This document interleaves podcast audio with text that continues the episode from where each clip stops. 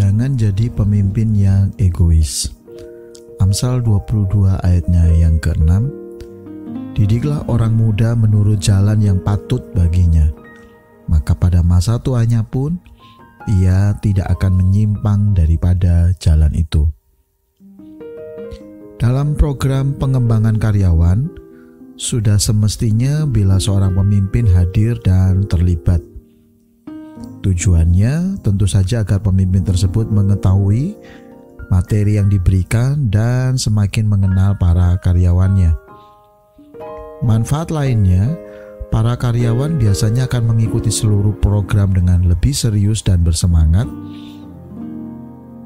Mereka juga pasti dengan sendirinya akan lebih termotivasi dan lebih berani menunjukkan eksistensinya.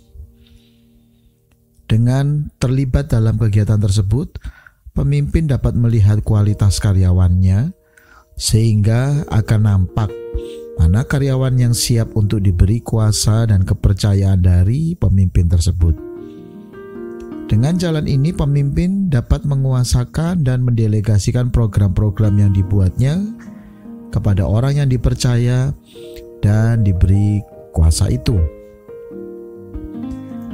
Ayat di atas mengajarkan kepada kita bahwa sangat perlu mendidik orang muda atau generasi penerus, agar nantinya setelah mereka memegang kekuasaan, mereka tidak akan menyimpang dari jalan kebenaran.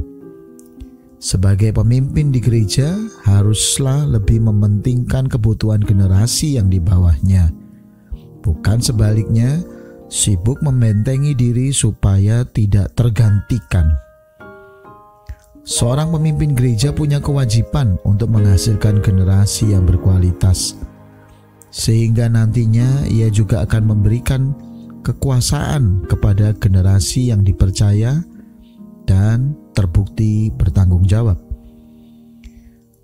Menguasakan tongkat estafet jelas bukan hal yang mudah dan sembarangan saja karena itu akan mempengaruhi kelangsungan pertumbuhan rohani jemaat dan gereja tersebut. Salah satu cara yang harus dilakukan seorang pemimpin gereja adalah harus lebih banyak mengedukasi atau mendidik dan memberi semangat serta mendorong agar setiap anak rohaninya semakin bertumbuh, beriman, dan mempunyai karakter Kristus.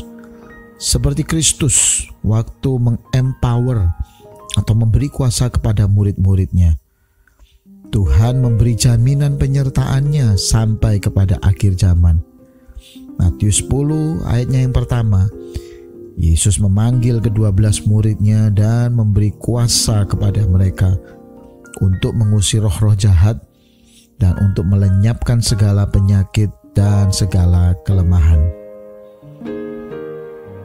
Jadilah pemimpin yang mengempower generasi yang menghasilkan generasi yang dapat dipercaya untuk diberikan kuasa atau mandat, meneruskan apa yang sudah dikerjakan oleh generasi sebelumnya.